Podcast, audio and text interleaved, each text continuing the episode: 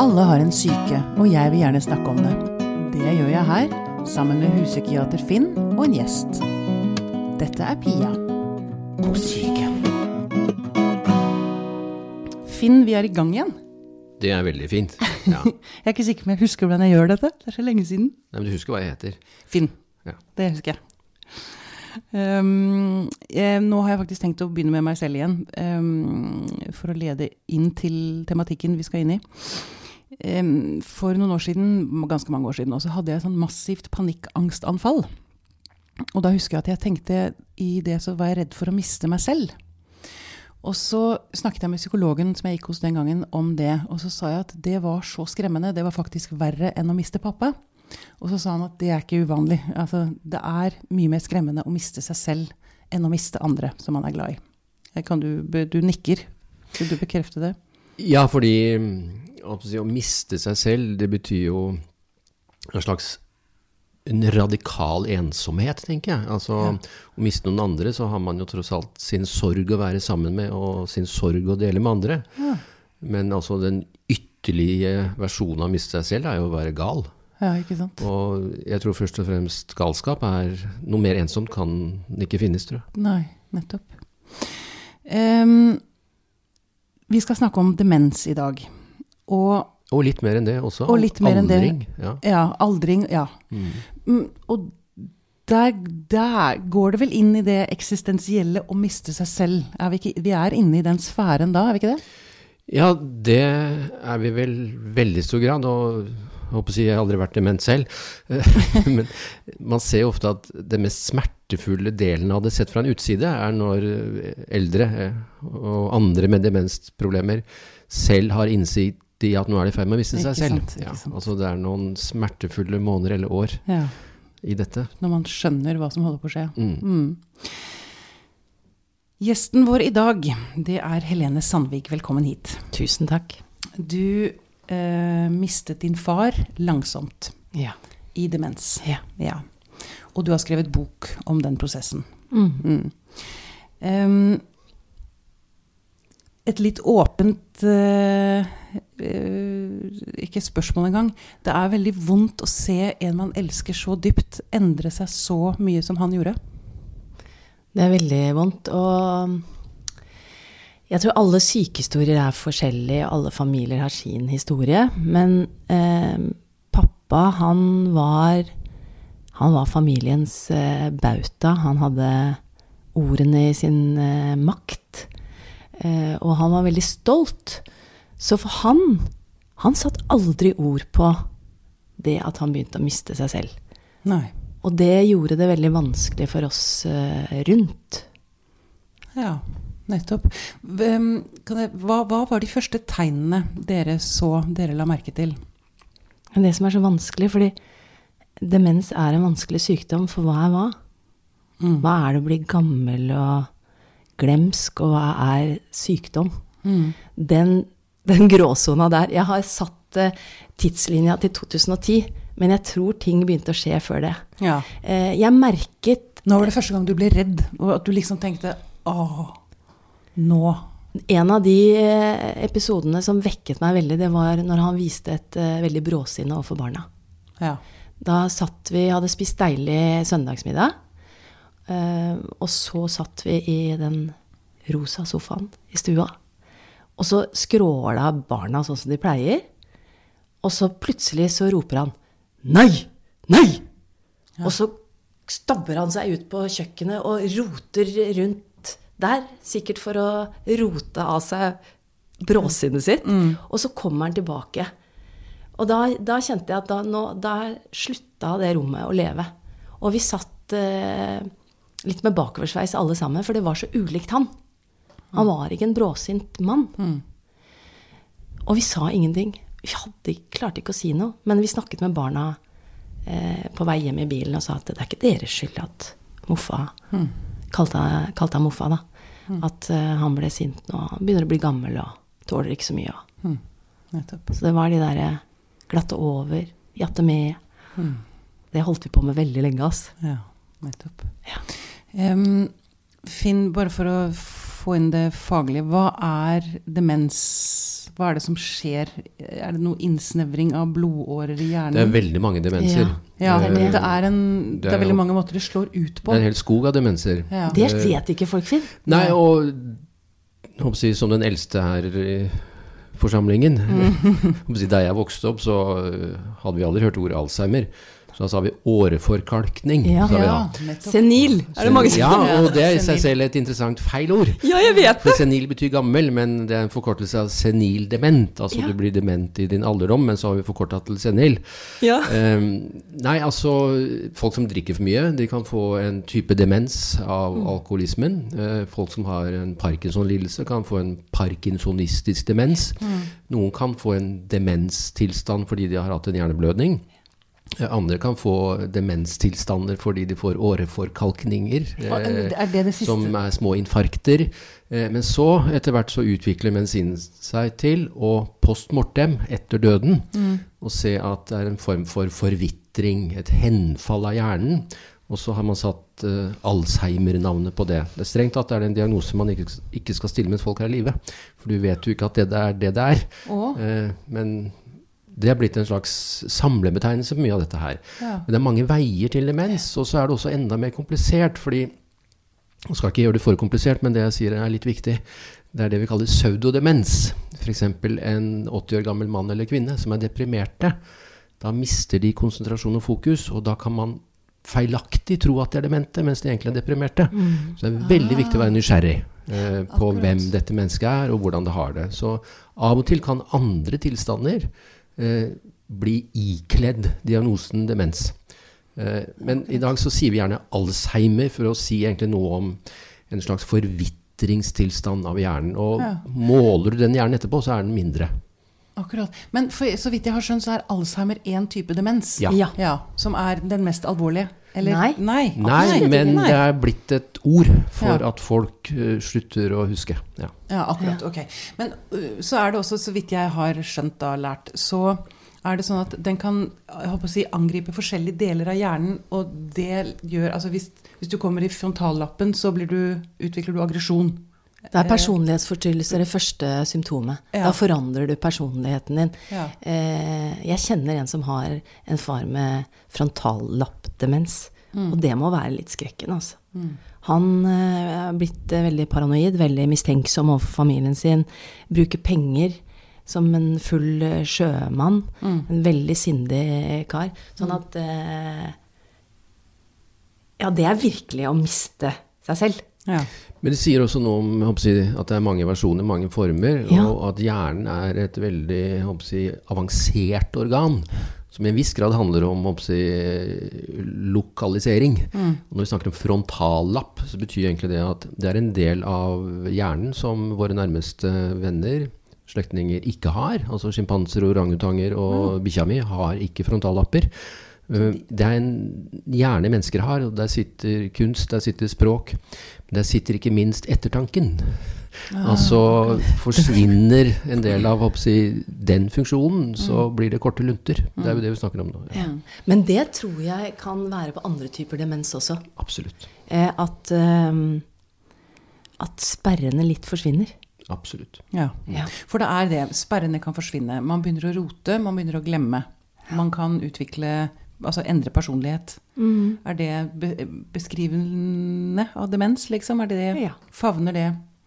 Fordi det var en ting du skrev i boka di, Helene, som jeg ikke har hørt før. Det var demens kommer av på latin. Ja. Uten sjel eller forstand. ja. Det er jo helt fryktelig. Ja, Og det er jo ikke sant. Jeg syns det var så fælt. Jeg satt og gapte når jeg leste det. Ja. Og jeg ble så indignert på min fars vegne. Mm.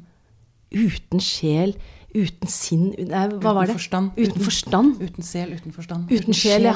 Og så tenkte jeg herregud, den mannen er jo full av sjel. Han er jo Alle sporene han har satt i hjertet mitt eh, opp gjennom Og det forsvinner jo ikke. Nei. Eh, selv om han mister seg selv og blir litt annen, så er jo sjel Altså mye av det vi mennesker har, det er jo skjer jo i relasjon med hverandre. Sjela hans lever videre. Ja. For han var jo der, selv om han endret Ja. seg. Og det ble en annen måte å være sammen på. Ikke sant? Ja. Hvordan um, utviklet det seg etter dette første raseriutbruddet han hadde? Ja, så var det nøkler som eh, forsvant. Og vi kan jo være distré alle sammen i forhold til å glemme nøkler og at vi ikke husker hvor vi legger dem. Men bilnøkkelen lå alltid i tredje eller fjerde trapptrinn. Ja. I trappa opp til stua på Abelsø. Og når vi begynte å finne den, ikke i fryseboksen og kjøleskapet og sånn, men oppå peishylla, i lommene hans, på andre steder enn han vanligvis eh, eh, pleide å legge dem, så ringte det en bjelle. Og han ble veldig Han ble sånn overforvirra av det. Du så at ansiktet ble alvorlig, og så ble han veldig rastløs. Og hvor er nøklene mine? Det, tok, eh, det tok litt av. Så det var mye jakt på nøkler. Ja, nettopp. Han kunne ringe meg og spørre 'hvor er nøklene?' Det er ikke så lett å svare på. Nei. enden, på si. Nei. Og så, i en periode, så ringte han oss veldig mye. Før han sluttet å ringe. Fordi da husket han ikke eh, hvordan han skulle finne numrene til oss. Jeg kom på Abelse, og han hadde forsøkt å prøve å lage seg en god kaffe. Det fikk han ikke til. Og da ble jeg veldig trist. Og det jeg kunne ønske, var at han, kunne, at han hadde sagt ord på at Helene For vi var veldig nære hverandre. Helene, nok, jeg klarer ikke å lage meg kaffe lenger. Hva er det som skjer med meg? Ikke sant? Men, Men den, det, og den, stolthet? jo, den døra åpna han aldri. Nei. Og da syns jeg det var vanskelig å pirke borti.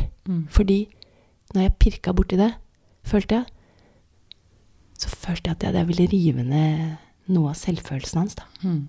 Det var derfor jeg glatta over, tror jeg. Ja, nettopp. For dette med Det er jo det, det, det er jo mye stolthet i dette. Altså, det er ikke veldig kult å være voksen og ikke klare å lage seg kaffe. Finn, ser jeg bort på deg. Altså, det, er jo, som du sier, selvfølelsen. Det er fryktelig vanskelig som pårørende å vite Jeg vil bare si inni her at jeg også har jo vært borti Altså, jeg har også mennesker rundt meg som har utviklet demens. Ja. Boken din rørte meg veldig. Jeg kjente igjen veldig veldig mye, og det er veldig vondt å stå ved siden av og se endringene. Og ikke minst dette tapet av stolthet. Altså at det går så på selvfølelsen løs. Det er så vondt. Ja, jeg tror det er det praktiske i det. Altså at liksom her glipper du taket. Hvor er nøklene mine, og hva er telefonnummeret til dattera mi? Men det er klart, det, det er jo noe også grunnleggende eksistensielt. Altså, her forvitrer du. Eh, vi kan ha forskjellig blikk på et menneskeliv, men det er ikke nødvendigvis vakkert å bli gammel. Eh, vi ser jo at noe er litt sånn viselig innrettet, at vi mister interesse for ting. Altså, du skriver jo om at din far mister interesse for barnebarna. Eh, han er ikke så interessert i det lenger, og kanskje er det en slags livet beskytter seg mot døden. Altså at vi slutter å være interessert i alt vi er interessert i. Nils Fredrik Dahl har skrevet en roman om sin deprimerte mor, Ja. som håper lå på sykehus. Og hun mistet plutselig interessen for å høre på radio, som han hadde hørt på bestandig. Og da skjønte han at nei, nå er hun på vei til det siste. Eh, Så det er også noe eksistensielt å vite at liksom, nå skal vi også dø i dette her, utover at jeg ikke finner nøkkelen. Eh, Men den stoltheten tror jeg er ganske viktig, for det er jo på en måte pinlig å ha henfall av vett. Ja. For det er jo det det er. Altså, Det heter jo så fint i medisin at kognitive funksjoner blir redusert, men eh, du mister jo vettet ditt. Ikke sant? Ja. Ja. Men bare, du, du sa noe om at livet beskytter seg mot døden. Nei, du bruker, man bruker livet altså, jeg har jo mistet to foreldre. Mm. Min mor var dement. Ikke så dement som min far sa, riktignok, for han var livredd demens. Mm. Han var ikke dement. Men jeg merket jo på han at han, eh, han var en veldig engasjert person i hele verden. Og så bare mistet han interesse systematisk. Siste tiden, det eneste han interesserte seg for, det var meg. Men han var ikke interessert i noe annet. Og det er jo for seg hyggelig. Hyggelig for deg, det. Eh, Men ikke interessert i barnebarn, og ikke interessert i eh, hvordan det gikk med det. Altså, så det er jo noe riktig i dette, men det er jo smertefullt for de som står rundt og ser at det er et tap av interesse. Men kanskje er det også en slags psykologisk beskyttelse av en egen verdighet. At, eh, Ja, for de klarer vel ikke å være interessert. Nei, for de husker kanskje ikke. Det kan jo være det òg. Ja. man husker det som ligger langt tilbake i tid ofte, men ikke nyere altså, Skape nye minner er vanskelig. Eller det går ikke. Det var interessant å Ja, veldig. inngang. Ja. Eh, pappa ble jo veldig hadde, Fikk jo mange tanker om de døde. Og gjorde han det? Ja. Det var en sånn periode det var veldig mye snakk om de døde, og det var tre personer som gikk igjen. Mm. Det var mamma, og så var det moren hans og broren hans. Ja. Og det, det var tanker som plagde han. Fordi han kunne eh, ringe meg midt på natten og så Åh, nå grubler jeg så fælt. Hvordan, hvor er mamma? Er hun død? Så han hadde en sånn frykt for døden bak i, i hodet. Og jeg jobba på eh, alders- og sykehjem når jeg var i tenåra. Og der fikk vi vite at vi skulle være eh, realister. Vi skulle si fra og realitetsorientere de gamle når de snakket om ting som var eh, rart, eller hva skulle liksom si at nei, sånn er det i dag, og hun er død. Så første gang han spurte hvor mamma var, for jeg, mistet mammaen min da jeg var 24, så sa jeg at «Mm, pappa, hun er jo død. Hun døde jo av kreft for veldig mange år siden, og du sto alltid ved hennes side, og det var bautaen hennes. Å, han ble så lei seg. ja. Han falt helt sammen. Og det var siste gang jeg eh, sa det. Nevnte Så jeg, ja, jeg begynte egentlig bare å si at vet du hva, alle du er glad i, har det veldig bra. Ja. Og det godtok han. Ja. ja for jeg, jeg har også vært borti en lignende ting eh, for lenge siden. Eh, hvor vi måtte si til tanten vår at pappa var død. Ja. Og hun ble altså, akkurat, akkurat samme reaksjon. Hun ble så lei seg. Og tenkte jeg, hva er vitsen med å fortelle det til henne? Nei, men Altså, det er hun godt råd. Ikke, det, virker, det, er, det er derfor jeg ville henge meg på det Ja. og si at det er jo ikke noe vits i det. Du, du skaper bare unødvendig smerte Ja, hos en som har glemt det. ikke sant? Og Ja. som du, det var en bra måte å si det på, at alle du er glad i, har det bra. Mm. Det er jo ikke løgn, Det er ikke det. får vi håpe. Hvite løgner er lov av og til, er ikke Hvite, det? og hvite løgner er lov. Ja. Men eh, jeg har lyst til å gå eh, litt eh, inn i det rent praktiske. For du nevnte bilnøkkel. Eh, og dette med bilkjøring, det, altså, det er en del ting man etter hvert må begynne man, Som pårørende så må man begynne å ta grep. Fordi den som utvikler demens, kan begynne å bli farlig. Og én ting er å kjøre bil, f.eks. Ja. Hvordan gjorde dere det? Nei, vi var jo familien uh, veik, altså. vi snakka veldig mye om Altså, jeg, eh, mannen min og jeg, vi hadde bestemt oss for lenge siden at eh, barna må ikke sitte på med moffa. Mm. Fordi han er begynt å bli trafikkfarlig. Vi merket jo at han var treigere, hukommelsen var dårlig, og han kjørte bil. Han elska å kjøre bil. Citroengen sin. Og så snakket vi i, i søskenflokken, vi er fem stykker, om at fader, vi må gjøre noe. Fordi en dag så skjer en ulykke. Ikke sant?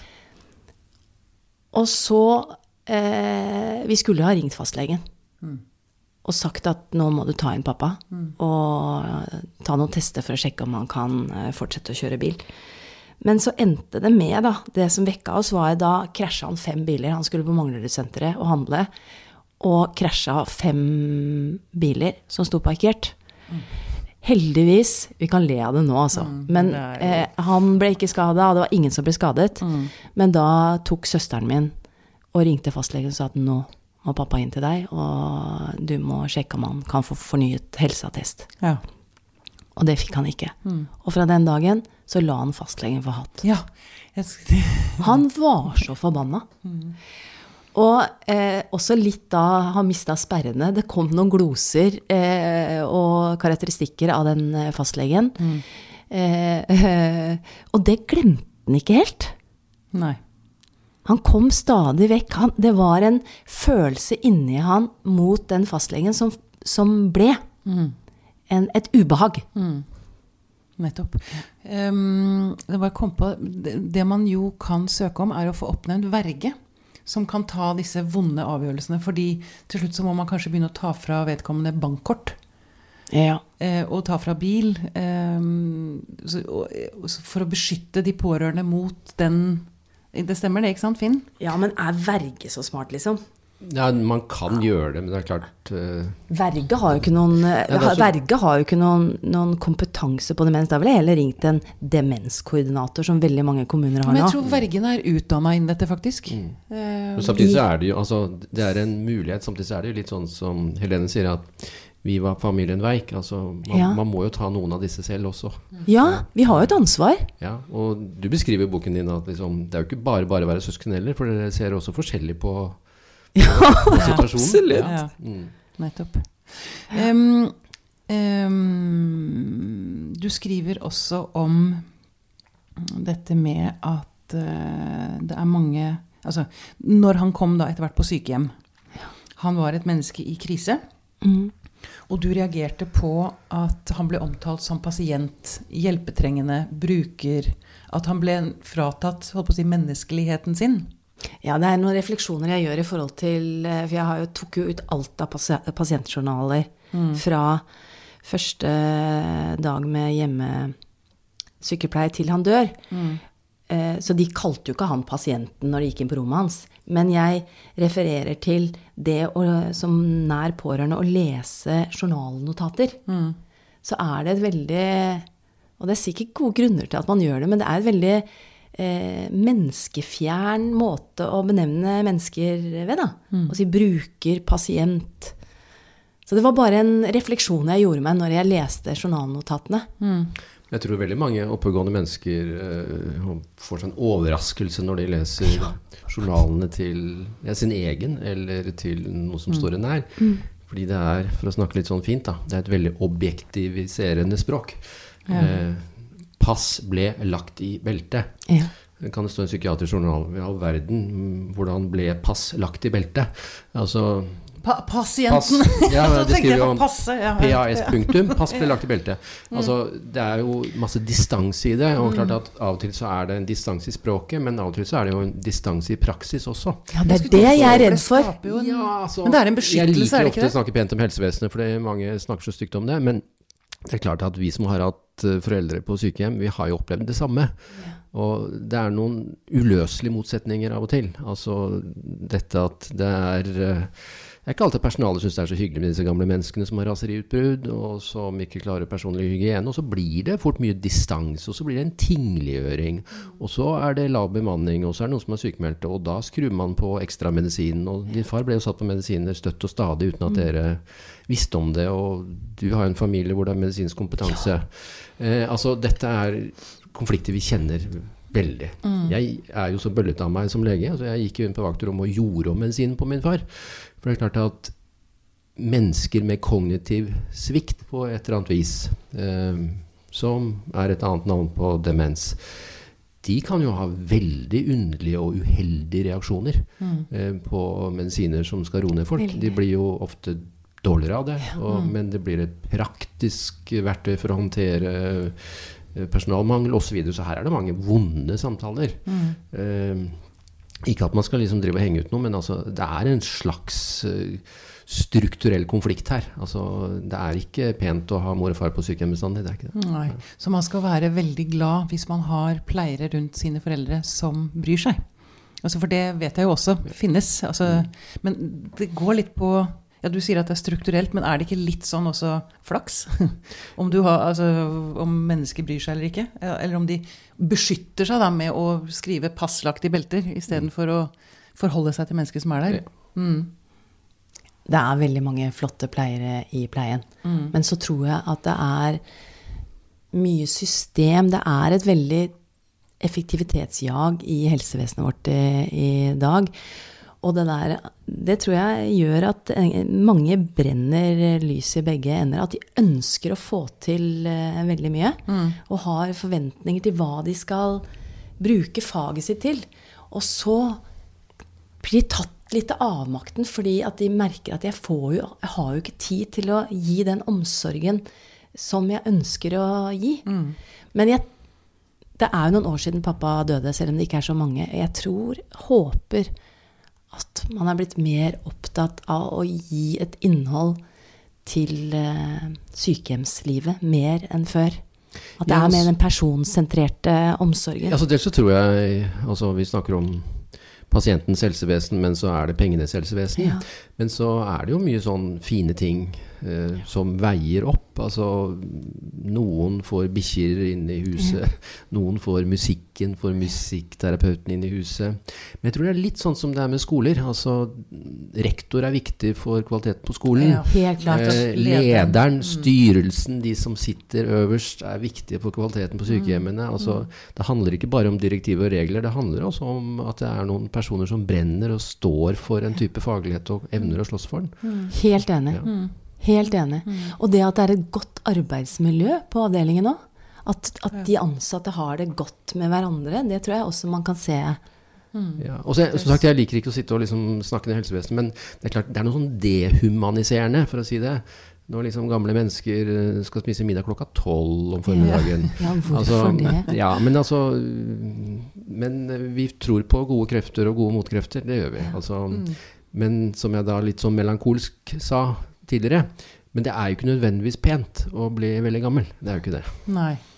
Eh, Det går på verdighet løs, og det går på praktikaliteter løs. Altså, du beskriver hvordan din far hadde det dårlige perioder, men da var det ikke demensen. Da var det at han ikke fikk pissa. Ja. Ja. Eh, eh, som ikke ble fulgt godt nok med på. Klart at det er i seg selv en smertefull tilstand. Altså, Ja, det er jo det- lett å putte noe i en boks. Hvis man først har en diagnose, så putter man alltid den diagnosen. Det tror jeg òg. Det har jeg tenkt veldig mye på. At, fordi det var jeg ikke klar over før jeg begynte å lese litt om det. At bare en forstoppelse hos en eh, som har demens, kan eh, gi akutt forvirring. Og da eh, kan du bli agitert og, altså, Selvfølgelig. eh, og, og sint og, og Eller tannverk. Eller når det er en urinveisinfeksjon på gang. Kanskje spesielt en urinveisinfeksjon. Ja, ja. Altså, ikke demente eldre de blir koko plutselig tre dager hvis de har en urinveisinfeksjon. Så man skal også ha en medisinsk kompetanse rundt dem. Vet du hva jeg tenker? Skille, Men- men- og det skille får- er det klienten ikke- fra veten, som jeg liker å si da. Jo, men du, vet hva? Men er det, ikke, er, er det ikke medisinsk kompetanse? Sitter dere og sier at Jo. man på et sykehjem ikke finner ut at en, en, en pasient har en urinveisinfeksjon? Men eh, Helene skriver jo om at eh, de, De det, men- rapporterte om at dere må følge bedre med. Ja. Men tenk deg en lege på et sykehjem da, Mm. som har så mange pasienter, Ja. og alle er gamle og skrøpelige og kanskje mangler språk, og flyr opp og ned. Det er, er- hvor, jeg tenker på, på eldre med demens, så er det så viktig å følge de tett for å se de små nyansene eh, og, og følge de opp. Og det um, er det ikke tid Det følte jeg at det ikke var tid til der hvor eh, pappa var da. Mm, nettopp. For det beskriver du også veldig i boken din, denne avmakten Ja. man har som pårørende. Og hvor fortvilt det var. For du nådde ikke helt igjennom. Dere nådde ikke igjennom. Det, det var som om folk ikke hørte hva dere sa, på en eller annen måte. Jeg syns Du det var så overveldende. Men du, det kan sikkert finnes svaret på. Den derre avmakten man føler. For jeg, vi tenkte jo til slutt at vi, vi, må, vi må klage til Fylkesmannen. Vi må si fra om eh, at behandlingen ikke er bra. Og så Ja. begynner jeg Ja, det var eh, det at de ikke oppdager dette her med blæra, og at han holder på å dø, og Det var så mye. Men, og jeg begynte, jeg tok på meg, fordi jeg er journalist og jeg har holdt på med helsestoff, så jeg tenkte at denne må jeg ta. Og jeg begynte å skrive, og jeg var tilbake til det der brevet til fylkesmannen, eller fylkeslegen, er det? Ja, Fylkeslegen. fylkeslegen, ja. Et par ganger. Og så bare ga jeg opp. Jeg klarte det ikke. Og følte meg som en liten lort. Mm. Ikke minst fordi jeg visste at fattern han hadde stått ved mammas side 110% når hun ble feilbehandla av helsevesenet. Men hva var, det, du, hva var det som stod altså, Du er jo tross alt helsejournalist. Altså, er det noen som har ord i sin makt, så er det jo du. Og allikevel så Hva var det som stoppet, tror du? Jeg visste ikke helt hvor jeg skulle begynne. Jeg syntes det var så mye. Og så tenkte jeg også Ja, hva hjelper å si fra? Mm. Det, ja. jeg, jeg ble bare Det- slått ut. Avmakt. Mm. Hvorfor det, Finn? Nei, men det er vel mange avmakter. Altså avmakten ved å se sin far lide, ved å vite at han skal dø. Dere snakker jo som søsken mye om Skal vi ikke la han slippe? Eh, og så er det avmakten mot systemer. Og så er det avmakten mot skjebner. Eh, og så er det en slags Kanskje et eller annet en slags type anstendighet at eh, skal alle drive og sende klager hele tiden? altså, vi klager jo. Eh, men det er klart at det er jo helt reelle ting som det er viktig å si fra om. Altså, det er jo viktig å si fra. Mm. Det er det. Mm. Um, du skriver også på et sted at kan man virkelig ønske at en man elsker så dypt, skal dø? Mm. Det er også et det har jeg hørt andre også snakke om dette med det, altså Du ser at han eller hun har det fryktelig vondt, og ønsker at vedkommende skal få slippe. Ja, jeg sier det sånn at jeg vil jo ikke at han skal dø, men jeg unner ham, jeg unner ham døden. Mm. Fordi jeg følte jeg, jeg prøvde virkelig å finne verdighet i det livet han levde mens han bodde på sykehjem. Jeg klarte ikke å finne det. Nei. Og det som jeg hele tiden kom tilbake til, det var jo det som pappa eh, sa en gang for mange år siden. Så sa han hvis jeg blir så gammel og skrøpelig at jeg havner på sykehjem, så ta meg ut på gårdsplassen og skyt meg. Mm. Og han var så stolt, og nå var han helt prisgitt andre mennesker. Han ville aldri komme seg opp av senga mer. Mm. Han ville aldri få komme hjem til Abelse hjemmet han Ja, ikke sant? Elsket. Mm. Og, hva, og det var bare mye sykdom og infeksjoner og lungebetennelser. Hva slags liv er det? Mm. Det er veldig rart, jeg skal ikke dra opp den debatten, men det jeg har lyst til å komme med en betraktning at vi, vi, er jo, vi sier jo at det er dyreplageri å ikke avlive et dyr som har det vondt. Ja. Um, ja, det er bare, jeg, det, jeg tenker ofte på det. For jeg, også, jeg tenker jo, jeg er også fryktelig redd for å bli liggende i en seng uten å forstå noe særlig, uten å kunne gjøre noe særlig, uten å ha, som du sier, et liv. da. Men man kan jo ikke ta livet av folk i Norge. Nei, det, man kan det, det. da blir du bura inn. Ja, ja. Så det, men det, det, det som jeg mener at vi skyldte pappa å diskutere som søskenflokk, Mm. det var Fordi moderne medisin i dag kan holde liv i mennesker. Eller forlenge lidelse. Jeg Mm. mente, og mener fortsatt, at vi forlenget pappas lidelse. Mm. Og da mener jeg vi skal diskutere skal han få lov å dø en naturlig død av en lungebetennelse, f.eks. Mm. Men det er smertefullt å snakke om. Det tror det handler om kanskje frykt for egen død. Og kan man som barn si ikke behandle mer? Mm. Gi bare lindring. Det der sitter langt inne, altså. Ja, samtidig så er det jo Dette er jo helt grunnleggende skal vi si, eksistensielle Ja. spørsmål. fordi at her kan en moderne medisin, som er veldig god til å forlenge liv, nettopp kollidere med en slags eh, humanisme. Altså, Og på en eller annen måte må noen ta den debatten. Mm. og er det familien som er i stand til debatten, eller blir den dyttet til legen? Det er klart det er jo stint av etikk, men jeg tror ikke det er noe vanskelig å tenke at en 80 år gammel pluss pluss eh, mann som din far, at eh, han kanskje lengter etter å dø. Det er verre enn- Du sier at den debatten skal ikke dra opp, det er fint at du ikke drar den opp nå. det er verre når de er 20 og 18 og 32. Ja, mm. Men klart at vi har en forståelse for at uh, livet skal ebbe ut. Uh, og Ja. uh, vi sørger, men vi sørger jo også på en veldig sånn forståelig måte, fordi det er en naturlighet over det hele. Men det er ikke nødvendigvis pent. Det er det ikke. Nei. Nei. Men det er ikke Det er eh, jeg, mm, Det er ikke noe kult å bli gammel. Ja, noen, noen har det jo veldig bra. Ja. Eh, Men det er, noen eh, har det ikke bra. Altså, siden vi sitter med døde foreldre her, så Siste samtalen jeg hadde med min far, er liksom Er det noe du har lyst på? sa jeg. Ja, ikke bli eldre, sa han. eh, altså, han hadde et dødsønske. Og min farmor, siste samtalen jeg hadde med henne Å, jeg gleder meg sånn til å dø, sa hun på dialekt. Eh, altså, det er ikke noe vanskelig å skjønne det. Nei. Nei. Du, det er litt sånn som svangerskap. Ja. Når du blir gravid, så tror jeg det er veldig mange som er livredd for det som skal skje om ni måneder. At Selve skal- fødselen. Selve fødselen. Men det er en modningsprosess som du går igjennom, og du får tid til å reflektere, og du, du modnes mentalt. da. Så når du først skal føde, så er du på en måte klar for å presse ut den ungen. Og sånn tror jeg det er litt med alderdom òg. At det går gradvis. Og så til slutt så tror jeg for veldig mange er døden en lettelse eller en naturlighet. Det er ikke så skummelt. Ja, som lege så har jo jeg da jeg, mest sannsynlig sett mer døde enn dere. Eh, og det er klart at Du ser jo mange av de forsonte eldre som på en måte har en slags um, trygghet i dette. Det er veldig vondt å se eldre mennesker med veldig dødsangst. Eh, det er forferdelig vondt å se på. Eh, da er det også en tortur. Ja. Eh, Så jeg spørre dere da, det er kanskje et helt håpløst spørsmål, men kan man mildne dødsangst?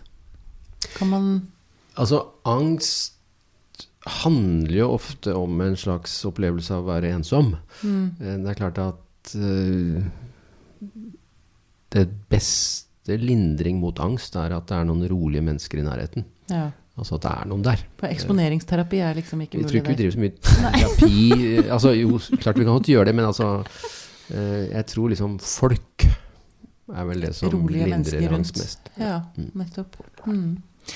Du, på slutten så har jeg lyst til å spørre deg, Helene. Du som nå har vært gjennom dette.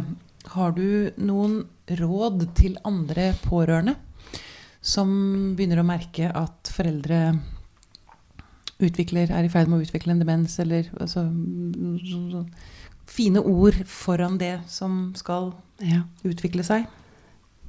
Jeg tenker jo at hvis jeg skulle oppleve dette her igjen, så er det samling i bånd med Hvis du har søsken, snakke gjennom hvordan griper vi an dette her. Og hvis det er for vanskelig, så eh, ring demenskoordinator eller et hukommelsteam Eller demenslinjen, og få råd, få hjelp til å sette ord på eh, hva som er vanskelig, og få faren eller moren din til eh, legen og få stilt en diagnose, for det er også viktig. Ja, få stilt diagnosen, Ja. Men å ta de samtalene eh, Fordi den sykdommen gjør jo at eh, refleksjonsnivå og tankekraften forsvinner jo.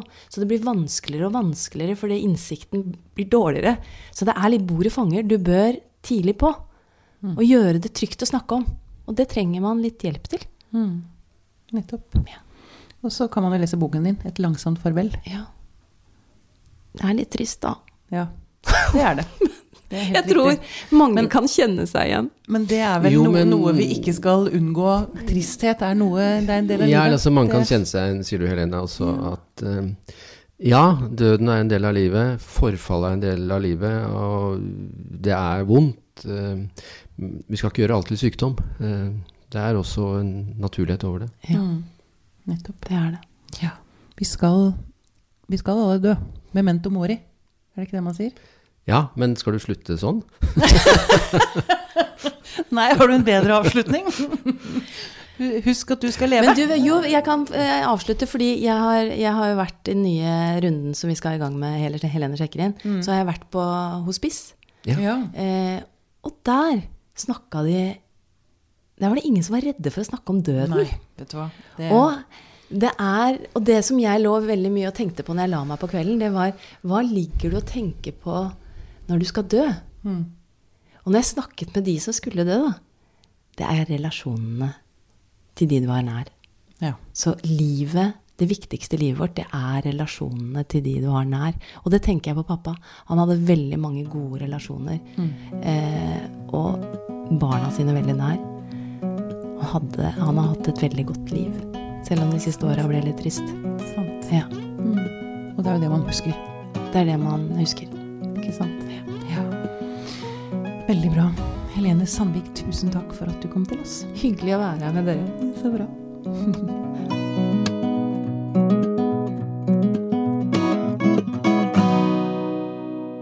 Denne Podkasten er produsert av Tid og Lyst. Med støtte fra Ekkos legat.